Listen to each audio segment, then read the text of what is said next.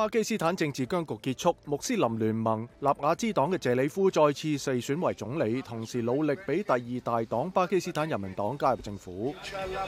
菲律宾官员话：星期三喺圣灰占礼期间，位于布拉干州圣何塞德尔蒙特嘅圣伯多禄士徒天主教堂阳台倒冧。印尼星期三嘅总统选举投票结束，国防部长苏比安托宣布佢已经获胜，非官方统计显示佢遥遥领先。印度安全部队喺星期三连续第二日向抗议农民发射催泪弹，阻止几万人向首都新德里游行，佢哋要求提高农产品价格。